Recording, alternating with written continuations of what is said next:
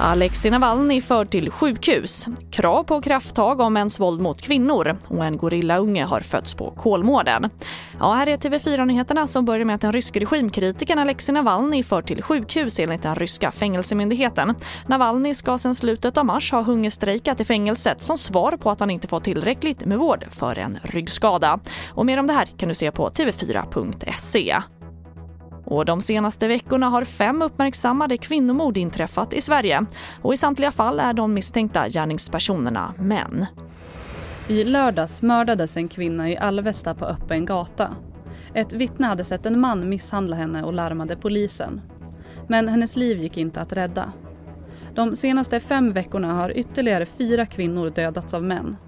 Nu riktar forskare kritik mot samhällets hantering av våldet. Ja, det jag tycker mig sakna i debatten och diskussionen det är ju det faktum att det sällan kommer som en blixt från klar himmel eftersom det nästan alltid är någon som vet och som ser.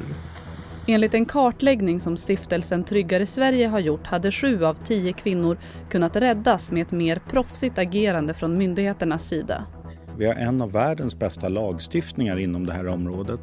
Men det våra förtroendevalda fortfarande inte verkar förstå det är att myndigheterna inte gör det de ska. Och sist här hörde vi Magnus Lindgren, brottsofferforskare och generalsekreterare i stiftelsen Tryggare Sverige. Och reporter var Malin Otander.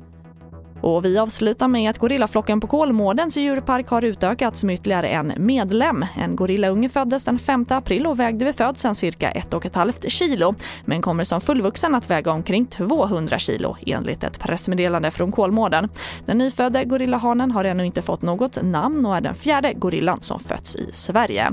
Och även det här kan du se mer av på vår sajt tv4.se. Jag heter Charlotte Hemgren.